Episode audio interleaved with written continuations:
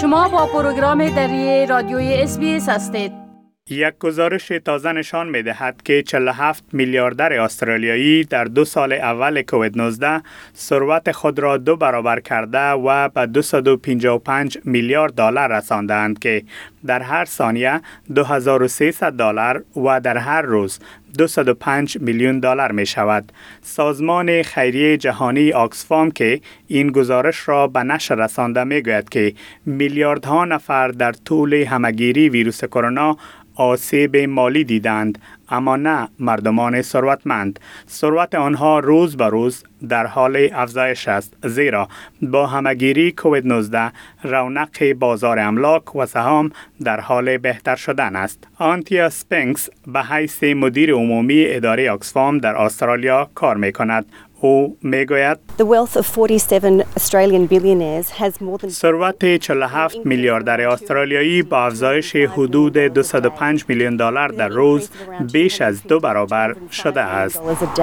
با استفاده از معلومات به دست آمده توسط مجله تجاری فوربس، آکسفام همچنان دریافته است که ده ثروتمند جهان از جمله جف بزاس بنیانگذار شرکت آمازون و ایلن ماسک مدیر اجرایی شرکت تسلا ثروت مجموعی خود را بیش از دو برابر کردند و روزانه 103 میلیارد دلار ثروتشان افزایش یافته است.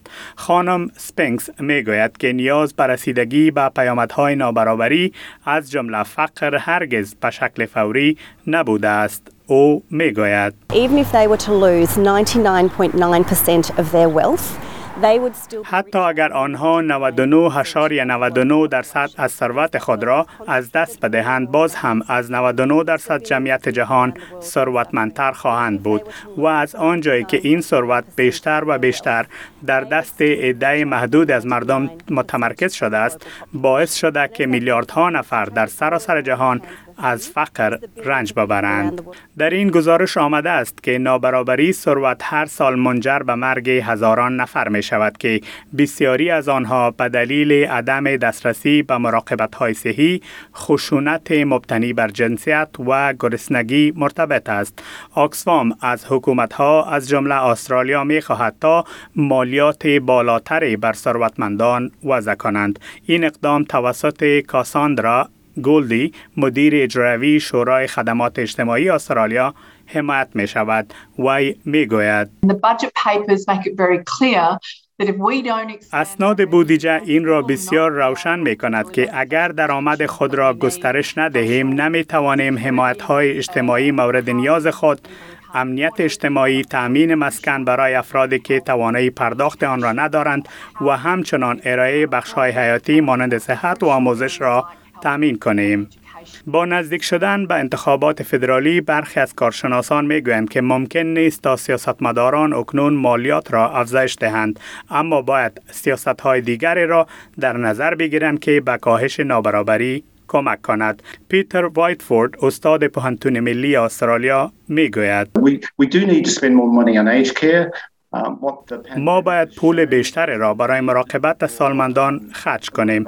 آنچه این همگیری نشان داده است نیاز به یک سیستم مراقبت صحی عمومی قوی است. این چیزها به درآمد بیشتری نیاز دارد. گزارش آکسفام همچنان نشان می دهد که ده مرد ثروتمند برابر 3.1 میلیارد نفر در جهان دارایی دارند. تهیه کنندگان گزارش می گویند خشونت های اقتصادی زمان اعمال می شود که گزینه های سیاست های ساختاری تنها برای ثروتمندان و قدرتمندان انجام شود. با گفته گزارش این مستقیما برای همه فقیران، زنان و دختران بیشتر صدمه می رساند.